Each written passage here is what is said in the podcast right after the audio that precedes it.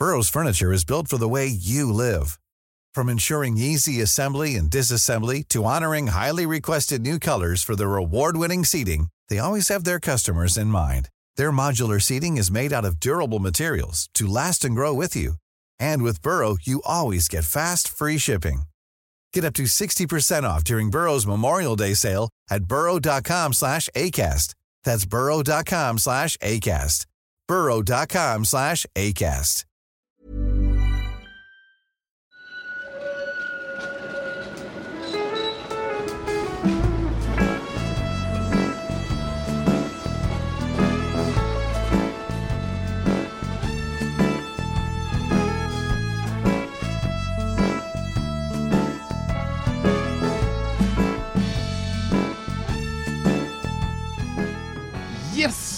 Då var vi igång igen.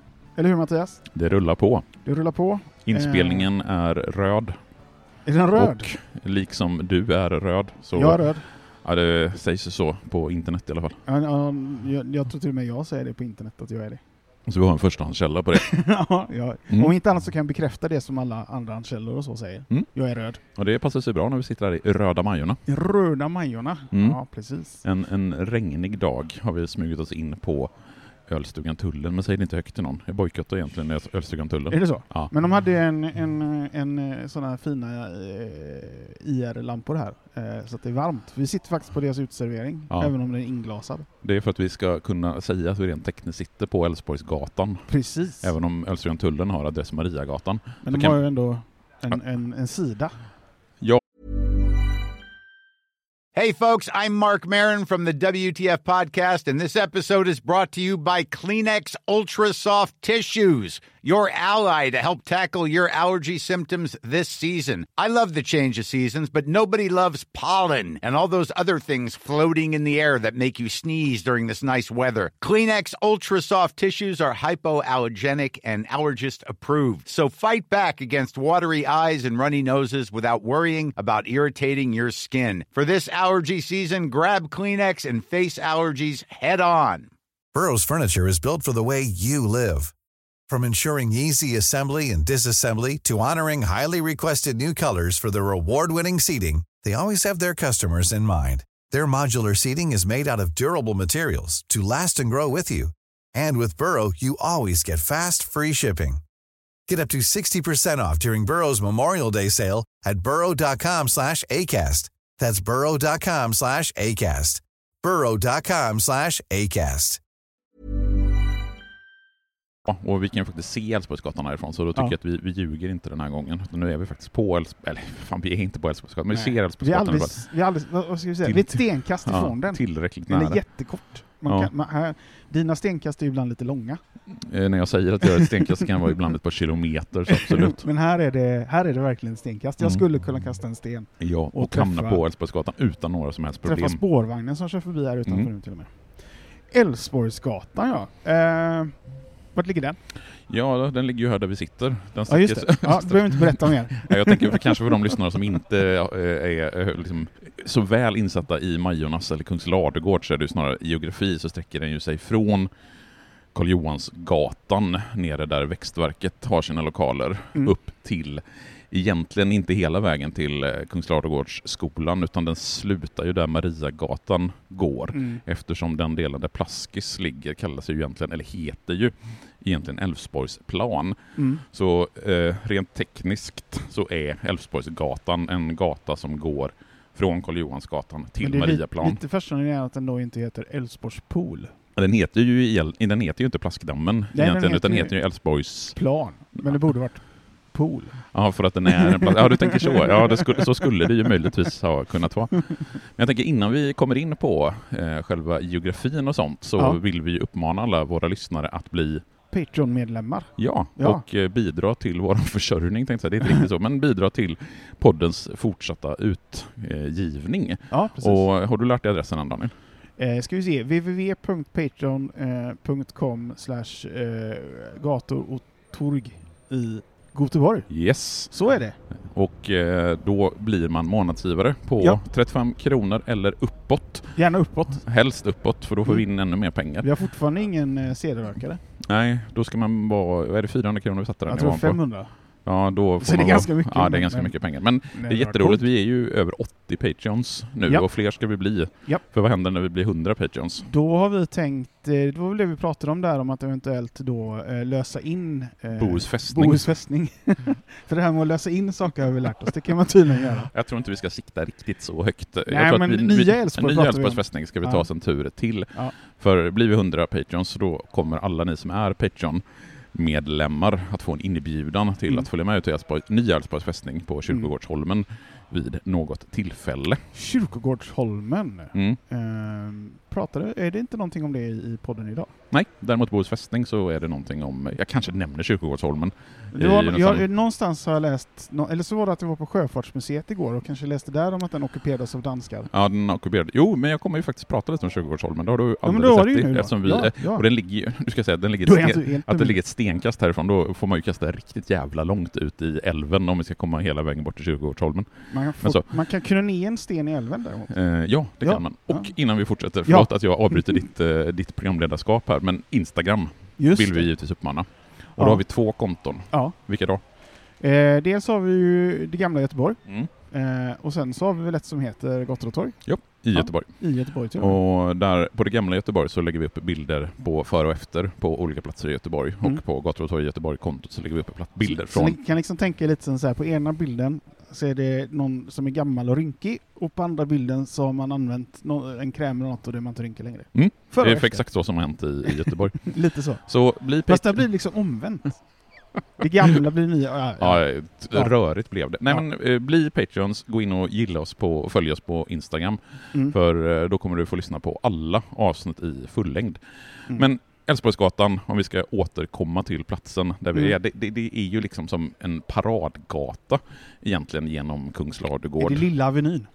Ja, det finns ju väldiga tydliga pala, paralleller, Paralleller. pa, paralleller till Avenyn Ja. i hur den har vuxit fram och framförallt hur den avslutas.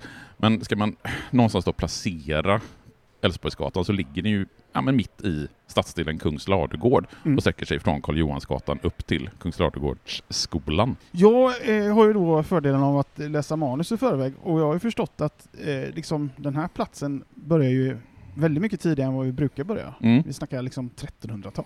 Ja, ibland har vi gått tillbaka till stenåldern. Jo, det har men hänt, det var, men det länge, väldigt det, var, det var ett tag sedan sist. Men alltså, ska man förstå varför Älvsborgsgatan heter som Älvsborgsgatan heter och ska man förstå varför Kungsladugård som stadsdel heter som Kungsladugård heter så måste man ju gå tillbaka till Älvsborgs slott och den intilliggande Älvsborgs stad. Och det har vi pratat om framförallt i avsnittet om Klippan. Mm. Men Älvsborgs slott det var ett slott som byggdes ja, typ någon gång på 1300-talet i det som då var Örgryte socken och till det hörde Sävedals härad. Det känns som det Göta inte alls är i närheten utav där vi är nu. Det är inte jättelångt härifrån. Det är Till Örgryte? Nej men Örgryte socken om, Ah. eh, omfattade ju hela Just det. det här området. Sen så bröts ju Gö- Göteborgs stad ut Så ur vi ska, inte, Örgryte vi ska inte socken. dra likhetstecken mellan Örgryte socken och det som idag är Örgryte. Nej, Nej. det är två helt olika, ja, inte helt olika, men det, det, det är skillnad Yes. däremellan kan vi säga. Första gången som vi har belägg för att Älvsborgs slott har legat här och heter Älvsborg, det är från 1366, då det nämns i Ålholmstraktaten. För då är det den svenska kungen Albrecht av Mecklenburg som försöker ge bort Älvsborgs slott till den danska kungen Valdemar Vattedag, Men problemet är att Albrecht- av Mecklenburg då inte har kontroll över Älvsborgs slott utan det är Håkan Magnusson som har kontroll över Älvsborgs slott. Och det var så, men så här var det på medeltiden. Att slott och landsdelar bytte ägare och bytte kung lite som vi byter kalsonger idag. Det låter som upplägg för intrig. Ja, det låter ju som ett avsnitt ur typ Game of Thrones eller Ja. Vikings eller något Men sen liknande. känner, man också lite så här, var i Sverige ligger Mecklenburg? Eh, Mecklenburg ligger ju i norra Tyskland. Och det hände ju, eller hände ju framförallt under medeltiden att vi eh, hämtade in kungar utifrån. Mm. Det hände ju senast 1800-talets början när vi fick Men den nu är det väl franska egentligen kungen. också så tidigt i historien att vi egentligen inte har Sverige som rike så som vi känner det idag. Alltså det där är ju alltid en diskussion om när kan vi börja betrakta Sverige som ett eget land. En del menar ju att ja, men det är någonstans här på 1200-1300-talet som Mm. Sverige börjar skapas som någon typ av land. Andra menar att det är med Gustav Vasa och enhetsstat på 1500-talet. Mm. Nationalism får vi inte förrän på 1800-talet. Mm, Men jag tycker definitivt att vi kan prata om någon typ av Sverige på, Mm. redan på 1300-talet. Och vi kan definitivt prata om ett slott, Älvsborgs slott, i, Mm. eh, på 1300-talet.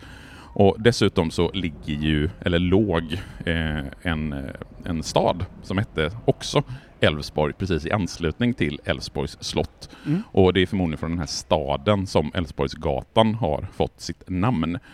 Och när exakt Älvsborgs stad anläggs vet vi inte, men det är troligtvis någon gång på 1500-talet av den dåvarande kungen Gustav Vasa.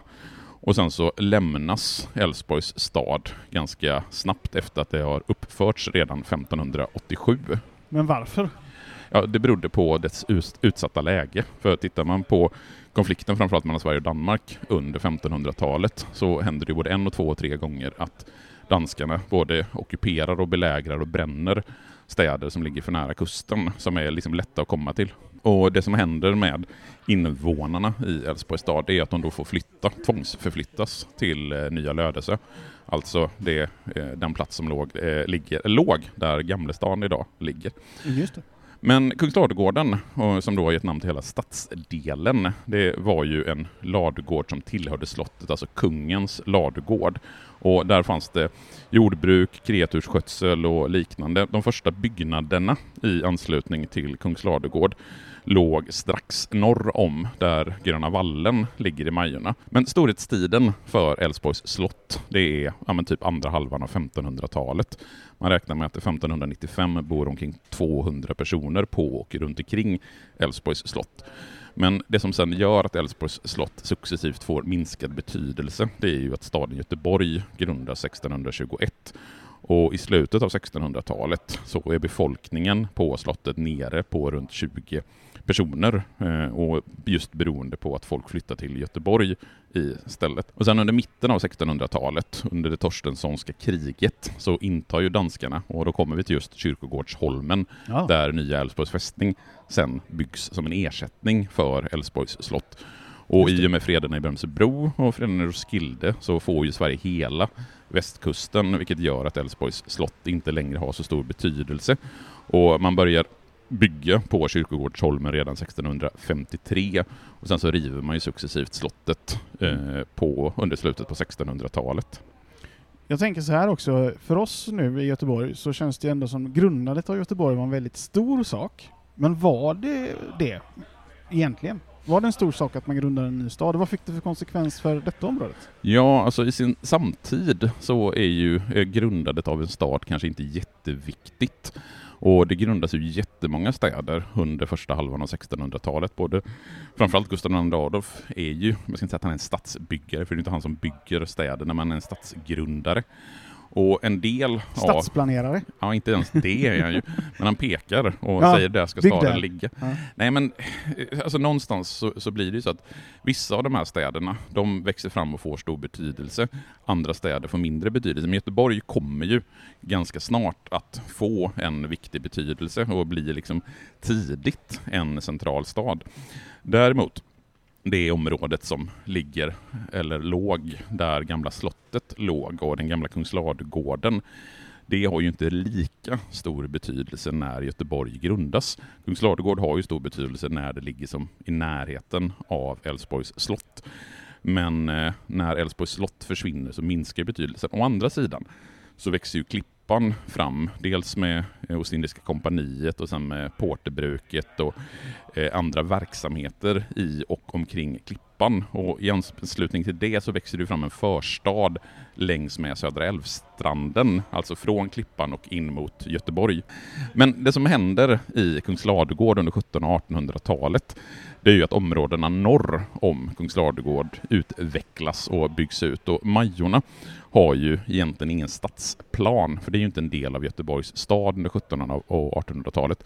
Så bebyggelsen längs med det som idag är Karl Johansgatan blir ju ganska vildvuxet och upp på Gråberg till exempel och borta vid Stigbergstorget.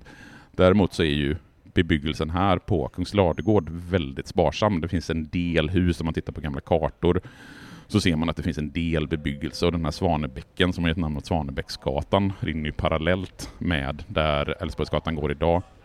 Det låg en gammal landsväg som gick ungefär där Slottsskogsgatan går idag. Men efter att Älvsborgs slott rivs i slutet på 1600-talet så ja, men det är åkermark och skog som är här i, eh, på Kungsladugård. Men eh, du beskriver det ju nästan som någon slags eh, lantlig idyll med väldigt lite hus och lite nästan pittoreskt sådär får jag upp till huvudet. Mm. Jag ser också att du har en massa fina kartor som såklart kommer del också. Men när började det hända grejer på riktigt? När började det bli stad? Ja, alltså det får vi liksom gå fram till slutet av 1800-talet. För 1868 så införlivas ju Kungsladugård och resten av Majorna med Göteborg. Och det får ju betydelse till exempel i det att stadsplaneringen i Göteborg spiller över på Majorna och Kungsladugård. Och vi hade en stadsingenjör i Göteborg som hette Hans Willem Brandell som 1876 gjorde en stadsplan som dock inte genomfördes men den får ändå betydelse för hur man tänker och för hur man planerar för Kungsladugård. Och egentligen så är det fram till 1900-talets början som Kungsladugårds marker är obebyggda. Och tittar man på Brandells plan från 1876 så ser man att den följer tidens ideal. Det är väldigt som ett tydligt rutnätsmönstrad gatusystem och det finns ett torg som heter Klippans torg i mitten på den här stadsplanen. Men som sagt så kommer den här planen aldrig att genomföras. Men kan man ändå säga att idealet som var då lite blir full circle nu? Nu Ja. pratar man också om rutnät och... Ja, jag vet inte om man pratar så mycket om rutnätsstad eh, idag. Men Eh, kan, nej, gör man inte det? nej, jag är inte säker Är det, de här, är det inte rutnät och slutna kvarter som är grejen? Ja, slutna kvarter, absolut, men inte så mycket rut. Det måste ju inte vara rutnätsstad för det. Nej, det är sant. tänker jag. Men, men det var ju väldigt tydligt idealet fram till, ja, men, säg, sekelskiftet 1900. Och på Brandells plan från 1876 så finns det ju en gata som går rakt igenom området som heter just Älvsborgsgatan. Eh, men Brandells plan genomförs inte, utan det är först när vi kommer fram till början av 1900-talet som vi får en utbyggnad av Kungsladugård. Men om nu inte den planen blev av, blev någon annan plan av då eller? Yes, och det är då vi får återstifta bekantskapen med stadsingenjör Albert Liljenberg. För Mm. 1916 så antogs en plan som hade hans signatur och under de följande 30 åren så byggs större delen av stadsdelen Kungsladugård. Och 1916 års plan, den följer man i huvudsak, men man gör vissa mindre ändringar i detaljerna. Och Albert Liljenberg har vi pratat om tidigare, men han kom till Göteborg i början av förra seklet. Han blir stadsingenjör 1907, vilket han sedan är i 20 år. Den unge Liljenberg han var väldigt missnöjd med den stadsplanering som var rådande Han passade in i. Göteborg helt enkelt. Ja, han, eh, det var väl bra att han kunde komma hit och vädra sitt missnöjd med eh, stadsplanering. Ja. Och 1903 så skrev han en debattartikel i Svenska Dagbladet där han räknar upp vad det är han tycker är fel med samtidens stadsplanering. Och det är bland annat ändlösa snörräta gator som utan fond mynnar ut i det tomma intet. Han gillar inte heller de öppna platser som av de många gatumynningarna berövat sitt lugn. Han gillar inte heller farliga trafikplatser, ofta precis i mitten begåvade med en staty som hindrar trafiken och så vidare. Man måste gilla uttrycket begåvade med. Ja, nej, han men är, det, det, han är är ju- riktigt så. Ja, det är en annan typ av, annan typ av språk i början på 1900-talet kan man säga. Men, men det liksom ringer in någonstans vad det är Albert Liljenberg kritiserar. Och dessutom så har han som en slutkläm eh, att den stadsplanering som är rådande eh, i, i sin samtid, eh, den våldför sig på så, såväl stadens äldre delar som på naturen. Vi har ju aldrig riktigt, eh, kanske rikt, gått in gjort lite personporträtt, men den här eh, Lillenberg verkar ju onekligen ganska intressant. Kan Ja. du berätta ändå någonting om honom kanske? Jag vill absolut tipsa om en bok som heter Liljebergs, Liljenbergs stad. Jag har tyvärr tappat bort namnet på författaren. Men söker man på Liljebergs, Liljenbergs stad så hittar man den boken. Och den är jätteintressant. Dels att fördjupa sig i Albert Liljenberg som person, men också alla de stadsdelar i Göteborg som han har varit med och ritat. Men Albert Liljenberg, han var en person som levde enligt väldigt fasta normer. Han la sig alltid tidigt och sov med jämna intervaller. Han åt var fjärde timme. Och i Göteborg så ska han ha upprättat runt 50 olika stadsplaner. Och han har satt sin prägel på många av de stadsdelar som göteborgare idag i allmänhet liksom tycker väldigt mycket om. Det är till exempel Brämaregården, Kolltorp, Lorensbergs villastad, Kungsladugård, Bagaregården, Brämaregården och flera av de här stadsdelarna har vi ju pratat om tidigare. Hur säkra är källorna på den här personlighetsporträttet? Jag gissar att författaren till Liljebergs stad har gått till eh, både förstahands och samtida källor, så jag utgår från att detta stämmer. Yes. Men i den här planen som Albert Liljenberg har för Kungsladugård så är Älvsborgsgatan tillsammans med Kungsladugårdsgatan huvudstråken i, genom Kungsladugård. Sen har vi ju Mariagatan och Ståthållaregatan som två liksom, tvärgående stråk som är som en gräns mellan områdets två delar. Norr om Ståthållaregatan så bebygger man Kungsladugård huvudsakligen med landshövdingehus och här ligger också då Kungsladugårds skola. Och den gode Fredberg skriver i Det gamla Göteborg från 1923 att Kungsladugårds mark som bildar grunden för en ny stadsdel, vilken danas efter moderna stadsplansprinciper, gående ut på att tillvarataga terrängens möjligheter att sträva efter liv och omväxling i stadsbilden. Alltså får vi här pittoreska kvartersgrupper, ståtliga esplanader och trafikleder, små parker och, an och andra planteringar, egnahemskolonier, torg och lekplaner. I öster låg fordom en större ängsmark. Och jag tycker alltid det är roligt att liksom gå tillbaks till just den här samtida betraktelser. Det roligaste av... är att det, de alltid beskriver det som modernt. Oavsett när det är. Ja, och, nej men det är ju modernt. Ja. 1923 så är ju det som byggs 1923 modernt och det är det som är så roligt när man liksom läser samtida beskrivningar. Mm, och så kommer vi nu bara, men det där är ju, det är ju som gammal klassiskt. Ja, ja men det, det är ju så det funkar med ja, ja. Liksom hur vi ser men på det, allting egentligen. Och det, det är det, kul. Det är roligt just med hur, hur språkbruket ändå följer mm. med, men det kan betyda Absolut. väldigt olika saker. Så. Eh, men har vi andra platser och gator vi har varit på, så har det ju funnits sån här väldigt specifikt datum typ. Kommunfullmäktige utropade Götaplatsen 23 eh, augusti 1932. Mm. Har vi något sånt här? Ja, det första belägget. Ska också säga att jag hittade bara på ja. det där nyss. Jag, jag, jag, jag, vill inte rätta, jag vill inte rätta det, men det var fel det du sa där faktiskt. Eh, det första belägget för Älvsborgsgatan, det är från den 6 mars 1882. För då beslutar, det är väl Göteborgs stadsfullmäktige vid den tiden, att det ska dras fram en gata som heter Älvsborgsgatan. Men 1882 så byggs ju inte Kungsladugård, så Älvsborgsgatan finns till namn, men inte som plats 1882. Det är, det är en idé och det har bestämts att en gata ska heta Älvsborgsgatan. Sen så får den sin huvudsakliga sträckning 1918 går vi fram till 1930-talets början så kan vi i princip säga att den i sin helhet har fått sin nuvarande sträckning. Jag hittade ett jättefint fotografi från just början av 1930-talet. Ja, precis. Jag sitter och tittar på det och, och borträknat att det ser ut att inte vara en modern spårvagn så ser det ju i princip likadant ut idag, ja. 90 år senare. Jag säga det, det, enda som skiljer sig åt är att det inte är någon biltrafik, eller det är ja, inga bilar parkerade längs med gatan. Ja, det eh, finns nog kanske någon bil där. Ja, men titta, skulle du titta på exakt samma så skulle du se att det står ja, bilar absolut. längs med hela Älvsborgsgatan. Men i övrigt, mm. precis som du säger, mm. alltså husen skiljer sig inte jättemycket åt från Nej, hur de ser ut. Det, det, är, det är samma hus. Det enda som har hänt är att de har renoverats i princip och ja. Kungsladugårdsskolan ligger i fonden mm. på Älvsborgsgatan. Så som det var tänkt. Lite beroende på hur man eh, definierar starten på Älvsborgsgatan. Man får gå eh, numeriskt, tänker jag. Från, numeriskt. Ja. från låga nummer till höga nummer. Men om vi går från låga numret till höga numren, så på det absolut första numret så ligger det ju en ganska ikonisk byggnad. Mm. Vad kan du säga, vilken byggnad det är och vad... vad ja, det första, vi, det första vi ser när vi kommer på Älvsborgsgatan på höger sida, om vi går, eh, kommer norrifrån, det är ju vagnhallen Majorna. Och det är faktiskt Göteborgs spårvägars både äldsta och största drifthall. Och redan på 1910-talet så fanns det en spårvagnslinje som gick genom Kungsladugård och spårvagnshallarna börjar byggas 1918 och sen tas de i drift 1921. Sen så byggs de här spårvagnshallarna ut i mitten av 1950-talet på, eh, åt sydost, vilket då blir på hallens typ baksida. Och inne i hallen så ska man fortfarande kunna se stolparna som de gamla portarna till den gamla hallen stod.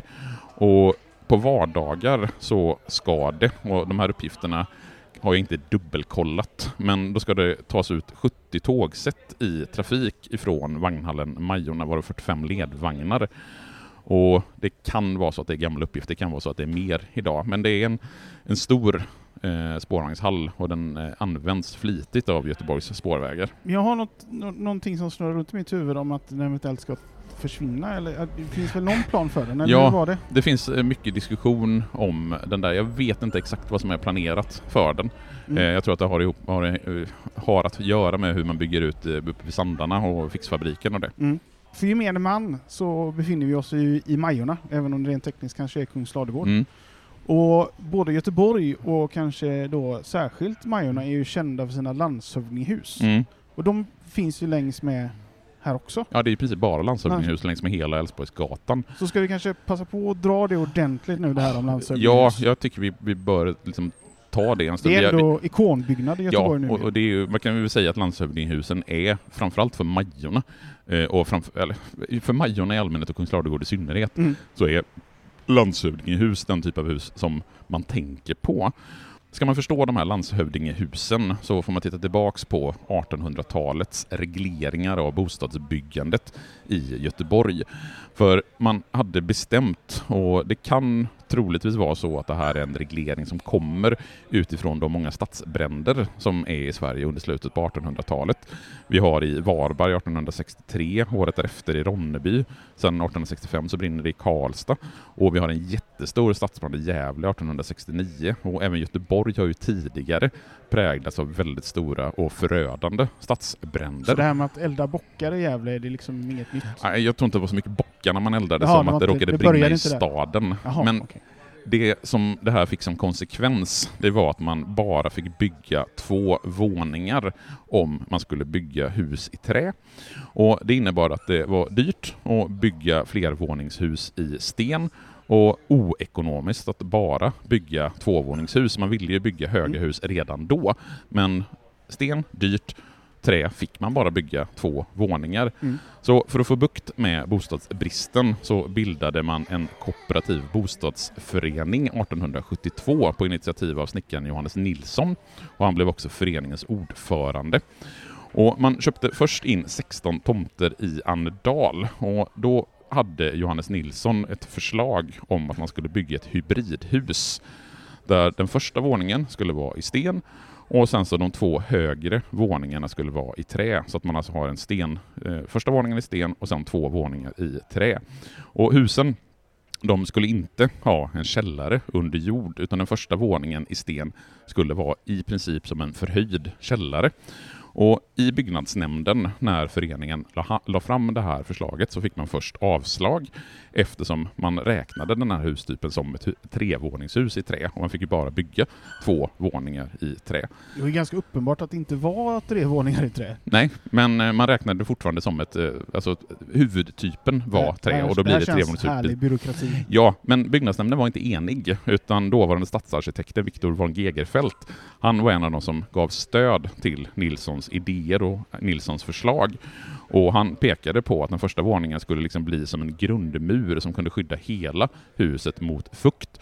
Och Johannes Nilsson han överklagar nämndens beslut till Länsstyrelsen och Länsstyrelsen beviljar dispens genom att landshövding i Ehrensvärd den 10 november 1875 beslutar om dispens.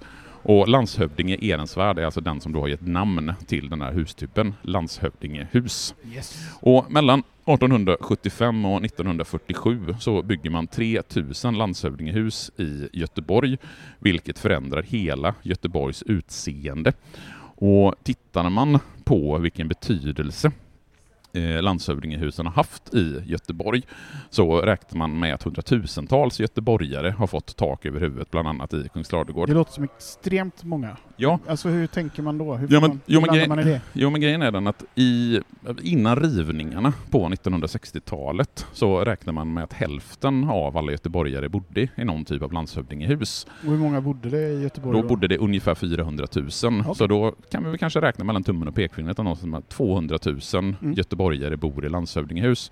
Och tittar man under hela den tiden som det har byggts landshövdingehus så är det verkligen hundratusentals göteborgare som har fått en bostad just på grund av Nilssons idéer och landshövdingens eh, eh, beslut om att ge honom dispens.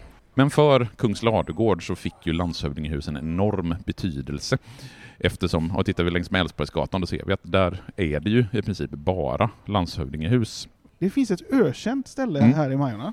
Det är inte okänt men det är ökänt. Ökänt, kanske känt, eh, några älskar det säkert, som heter Silverkällan. Mm. Har det någon historisk grund till det Ja, heter så? alltså namnet Silverkällan har ju givetvis historisk grund. Källan är ju borta sedan länge.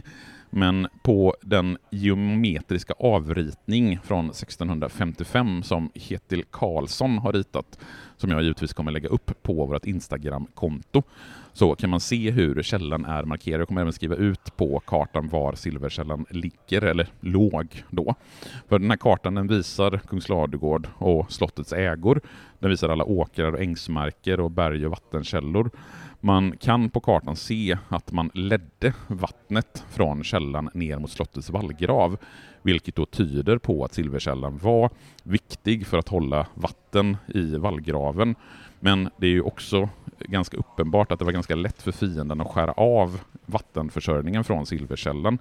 Och i fredstid så spelade källan sin viktigaste roll genom att den gav rent dricksvatten både till djur och människor som bodde på och omkring slottet. Och egentligen så ska det ha varit två källor som låg bredvid varandra, där den ena hette Guldkällan och den andra då följaktligen Silverkällan. Och de här två källorna de har tjänat som stadsbrunn i den här staden Älvsborg. Silverkällan den byggdes över av tidigare nämnda David Carnegie med ett källhus av rött tegel. Och under en tid så var det modernt att man promenerade dit och som det hette drack brunn. Och att dricka brunn, det är ju när man går till en källa för att den ska ha någon typ av hälsobringande egenskaper. Och jag är tveksam till att tro att Silverkällan hade det. Men hade det har helt det- enkelt inte mycket källkritik. Nej, och jag vet inte om Silverkällan idag har så mycket hälsobringande egenskaper. Finns den ens? Nej, jag tänkte på krogen Ja, ja, Silverkällan. ja, Den har inte ja, så du mycket tänker så. hälsobringande egenskaper. Det beror lite på hur vi väljer att se på alkohol tror jag. Ja. Men på adressen eh, på Älvsborgsgatan så ska det åtminstone sedan 1930-talet ha funnits ett café som hette Silverkällan. Det har jag hittat i gamla tidningar. Mm. Och sen så finns det enstaka belägg att det, den här, det här caféet blev någon typ av krog på 1960-talet. Men man är inte helt säker på det. Eh, jag vet helt säkert att det fanns en krog på adressen som hette Silverkällan åtminstone på 1970-talet. Och den brukar ju alltid komma upp när man pratar just om sunkhak och den här typen av ställen som har väldigt billig öl men kanske inte så eh, hel och ren inredning och liknande. Jag som ändå typ i princip har bort ett stenkast, bott ett stenkast ifrån den, kan ju faktiskt erkänna att jag aldrig varit där. Jag har varit där en gång när vi gjorde Mm. en sunkhaksrunda. Var det sunkigt då? Det är väldigt sunkigt. Det är det? Det är liksom så här plastfilm på borden och du kan få en öl för 29 kronor på, i princip på Silverkällan. Så du rekommenderar den här upplevelsen? Absolut, gå man- till Silverkällan. Vi behöver våra sunkhak. Och nu har vi ändå liksom kommit längst upp på Älvsborgsgatan och där har vi ju Plaskis, Mm. eller som jag kallar det när jag var lite yngre, eh, Småungarnas pissparadis. Mm. Eh, Båda namnen är korrekta. Eh, och Plaskis har vi pratat om lite i Mariaplan, men eh, det sitter ju helt klart ihop liksom. Ja, det blir som en avslutning lite grann på Älvsborgsgatan. Den tillhör ju Älvsborgs plan Mm, egentligen om man tittar på med. adressen. Och Det den, låter stockholmskt. ja, den heter ju egentligen Älvsborgsdammen. Ja. Eh, den heter inte Plaskis eller vad sa du, Ungarnas pissepool? Ungarnas pisseparadis. Ja, utan Älvsborgsdammen. Och som sagt, vi pratar om den i avsnittet om Mariaplan, men den byggs under 1930-talet och en, är en av flera sådana här plaskedammar som anläggs runt om i Göteborg under 1930-1940-talet. Och när vi kommer fram till 1950-talet så har vi till exempel i Kortedala plaskdammar som en viktig del i de grönområden som ligger mellan husen. Och plaskdammen är också, eller skulle åtminstone vara, en viktig mötesplats. Och idag så är Plaskis, eller Älvsborgsdammen, den enda plaskdammen i Göteborg som är kvar i sitt ursprungliga Mm. utförande. För det finns fortfarande fler va? Det finns plaskdammar. Mm. Eh, Det finns i, i Kortdala, men den är kraftigt eh, renoverad. Jag tror att det är mer en typ av vattenlek än vad man kan kalla det för en plaskdamm. Mm. Och det som är speciellt För det är med den som är på torget va? Kortala torg. Det måste det väl vara, Ja. tror jag. Eh, men det som är speciellt med plaskis, det är just att det är väldigt lågt vatten. Du kan inte simma där, utan du plaskar och leker i plaskdammen. Vi har ju i alla fall minst en byggnad kvar. Mm. Och det är absolut inte den minsta eller den, den som syns minst eller sådär. Ja, det är den pampiga Kungsladugårdsskolan och där kan vi ju dra parallellerna mellan Älvsborgsgatan och Avenyn. Mm. För tanken när Albert Liljenberg planerar Kungsladugård, det är ju just det att Älvsborgsgatan ska vara som en paradgata med en pampig avslutning. På samma sätt som Avenyn avslutas med Götaplatsen och Konstmuseet. Kan man då se Poseidon som en plaskdamm? Ja, vill du gå dit och plaska så gör gärna det. Eh, nej, men, alltså, Det gör ju folk ibland har jag sett. Ja, när det har varit olika idrottsevenemang och, och liknande. Men Kungsladugårdsskolan kan man då likna med Konstmuseet, eller jämföra med Konstmuseet, just som en sån monumental avslutning på en paradgata. Och formspråket för Kungsladugårdsskolan är präglat framförallt av 20-talsklassicism och det innebär att det är sparsmakade fasaddekorationer och att det finns former som ändå pekar mot den funktionalism som sen ska komma på 1930-talet. Vi har gult tegel i fasaden, vilket är väldigt återkommande i samtida byggnader, till exempel Konstmuseet som byggs ungefär samtidigt som Kungsladugårdsskolan. Och det som är intressant med Kungsladugårdsskolan, det är just hur man har tänkt. Och står du nere på Älvsborgsgatan och tittar upp mot Kungsladugårdsskolan så ser du ju verkligen hur Alf Liljenberg tänkte i sin stadsplanering. Det blir verkligen en monumental avslutning på gatan. Mm, det blir ju verkligen som en sån sista vägg nästan. Ja, och det är precis det som är tanken, att det ska vara som Mm. en vägg så att man ska ha någonting att rikta blicken på. Det ska, blicken ska liksom inte försvinna ut i tomma intet. Mm. Och nu kommer vi till de här, eh, återigen, jag får nästan kalla dem ökända va? Mm. Rekordåren, eller de kanske inte är riktigt ökända, det kanske är elakt att säga att de är. Nej, rekordåren är väl kanske den bästa tiden i Sveriges historia rent ekonomiskt i alla Ja men det händer ganska mycket i stadsplanering och det är rivningar Ja. och det är massa sådana här saker som kanske inte är riktigt. Jättemycket i Göteborg rivs ju under rekordåren och det har vi pratat om i jättemånga avsnitt. Men Kungsladugård är ju faktiskt i princip bevarat Mm. under rekordåren. Dels så ligger Kungsladugård en ganska bra bit från centrum och det var ju ännu längre bort från centrum under rekordåren. Inte Mhm. rent geografiskt men mentalt så är Ja. Kungsladugård längre bort. Jag Nu kommer, har... ju- jag kommer aldrig glömma det där med storan alltså. Nej, precis. Du återkommer gärna till det. Ja, Nej, men det, säger, det är så säger ganska mycket mig. just de mentala Ja, avstånd, verkligen. eh, hur vi tänker kring det. Och förutom just det här långa avståndet så var husen i Kungsladugård yngre än till exempel det som revs runt Chapmans torg och upp på Gråberget. Och under 1970-talet så gör man ändå ganska omfattande renoveringar av landshövdingehusen. Det är familjebostäder som äger och förvaltar de här husen. Och målen var att man skulle bevara. Eh, man hade tidigare dusch i källaren, men i samband med ombyggnationen så slog man ner väggen mellan WC och klädkammare och så gjorde man dusch i varje lägenhet i de husen som hade dusch i källaren. Mm. Man var inte så noga med detaljutförandet utan den ursprungliga interiören kastades ut för att man skulle komma upp i dåvarande nybyggnadsstandard. Och sen så färgsätter man husen i en väldigt kulört färgskala, vilket är modernt för sin tid. Och tanken var att kvarteren skulle särskiljas med liksom olika färgskalor. Och i och med att man bygger om det till nybyggnadsstandard, vad händer med hyrorna då? Då går de upp. Yes. Och det gör ju att Kungsladugård under 1970-talet förändras socialt. Högre hyror driver bort delar av den arbetarklass som bodde tidigare. Och renoveringarna kan man också säga är det som påbörjar någon typ av gentrifieringsprocess av Kungsladugård redan under, säger 1970-talet. Mm. Sen om vi bara snabbt tar det här med fasaderna så gör man under 90-talet vissa försök att återställa de ursprungliga färgskalorna som är lite dovare och man eh, skiljer fortfarande ändå på färgskalorna mellan kvarteren. Ja, men det här med gentrifiering är återkommande. Mm, I alla fall för dig och mig. mm. Och Någonting- även för den här podden, vi har pratat Ja, mycket om gentrifiering. Absolut. Det finns en annan podd där vi pratat om det lite mer kanske. Men... Pennypodden för er som inte förstod det. Yes. Men det är ju in- väldigt intressant. Mm. Jag brukar ju säga att eh, Majorna nu genomgår sin andra gentrifiering. Och då Ja, menar jag att den första är den på, på 70-talet. ja, alltså det där med gentrifiering är ju intressant för någonstans så kan man väl kanske inte riktigt säga att Majorna håller på att byta ut sin befolkning, eller Kungsladugård. Vi håller oss till Kungsladugård Mm. bara, för Mm. det är ändå där vi befinner oss. Majorna är mycket större Ja, är än Kungsladugård. Kungsladugård är ju rent tekniskt inte Majorna, även om vi kan räkna in det kanske stora Majorna. Stormajorna. Stormajorna. Mm. Eh, men jag skulle nog säga att I och, med det, I och med att det är väldigt mycket allmännyttiga lägen, hyreslägenheter så har vi inte haft de riktigt, liksom, de riktigt stora kraftiga hyreshöjningarna. Har vi inte haft riktigt den stora, det stora utbytet av befolkning som vi haft i många andra stadsdelar. Man brukar ibland jämföra Majorna slash Kungsladugård med Söder i Stockholm. Mm. Och där är det väldigt tydligt så jag tittade på eh, kom, jo, Falsk som vatten, en eh, Hasse Alfredson-thriller från 1985 tror jag den är, Mm. som utspelar sig delvis på Söder. Och då kan man verkligen se, 1985 så är Söder riktigt, riktigt nedgånget. Mm. Eh, det är riktigt sunkiga lägenheter som inte har renoverats på bra länge.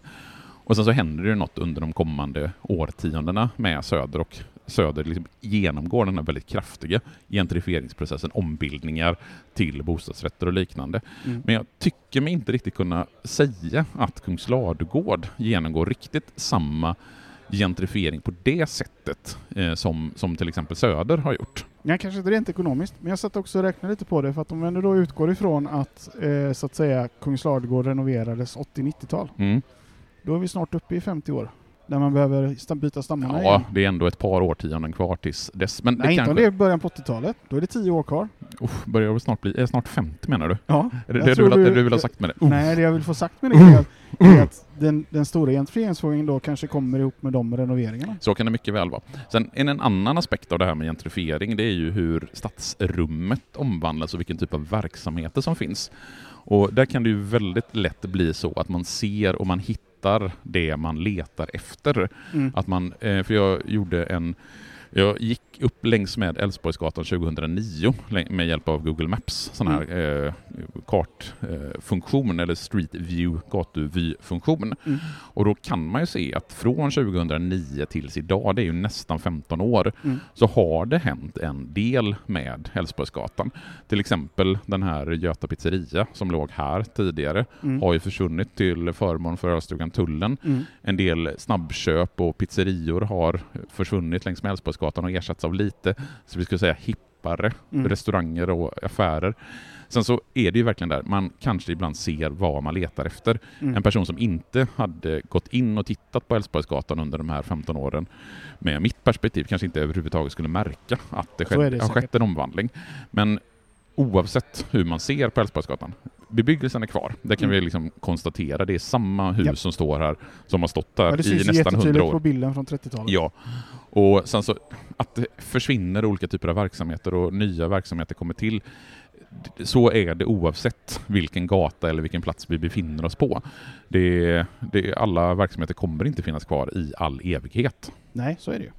Men eh, det känns lite som eh, när vi då ändå gick upp till Kungsladugård så var ju det vägs ände på Älvsborgsgatan. Kungsladugårdsskolan så är vi liksom framme Ja. och vi har liksom kommit fram till nutid. Ja. Och titta lite grann in i spåkulan och du tänker att när det blir renoveringar och stambyten om kanske 10, 15, 20 år, ja. då får vi en ordentlig eh, Alltså gentrifieringsprocess av statusen har ju, kan du ändå hålla med om, ändrats väldigt mycket från 80-talet fram till Mm. idag på området som sådant. Ja, statusen absolut, men för att prata om en ordentlig gentrifieringsprocess så tänker jag att då måste vi ha ett utbyte av alltså att folk tvingas flytta på grund av högre hyror och det kan jag inte riktigt se i Kungsladugård. Nej, men det hände på 70-talet. Mm. Ja. Så där har vi en första liksom, gentrifieringsprocess. Ja, och historien har ju en tendens att upprepa sig. Oh ja. Först som komedi och sen som tragedi eller vad fan det var någon sa någon gång. Var det Hasse Alfredsson också eller? Nej, det var Karl Marx. Karl Eller så var det en helt annan, jag vet faktiskt inte. Jag ska inte tillskriva personer citat som jag inte eh, kan belägga.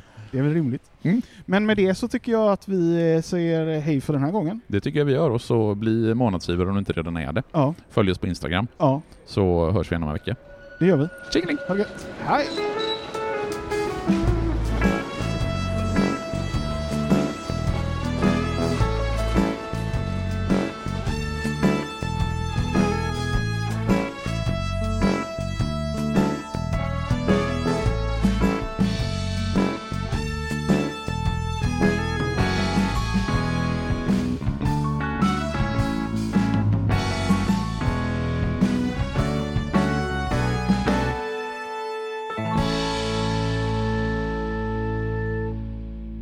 Gator och torg i Göteborg produceras av Reostat Media AB. Even when we're on a budget, we still deserve nice things. Quince is a place to scoop up stunning high-end goods for 50 to 80% less than similar brands. They have buttery soft cashmere sweaters starting at $50, luxurious Italian leather bags, and so much more. Plus, Quince only works with factories that use safe, ethical, and responsible manufacturing. Get the high-end goods you'll love without the high price tag with Quince. Go to quince.com/style for free shipping and 365-day returns.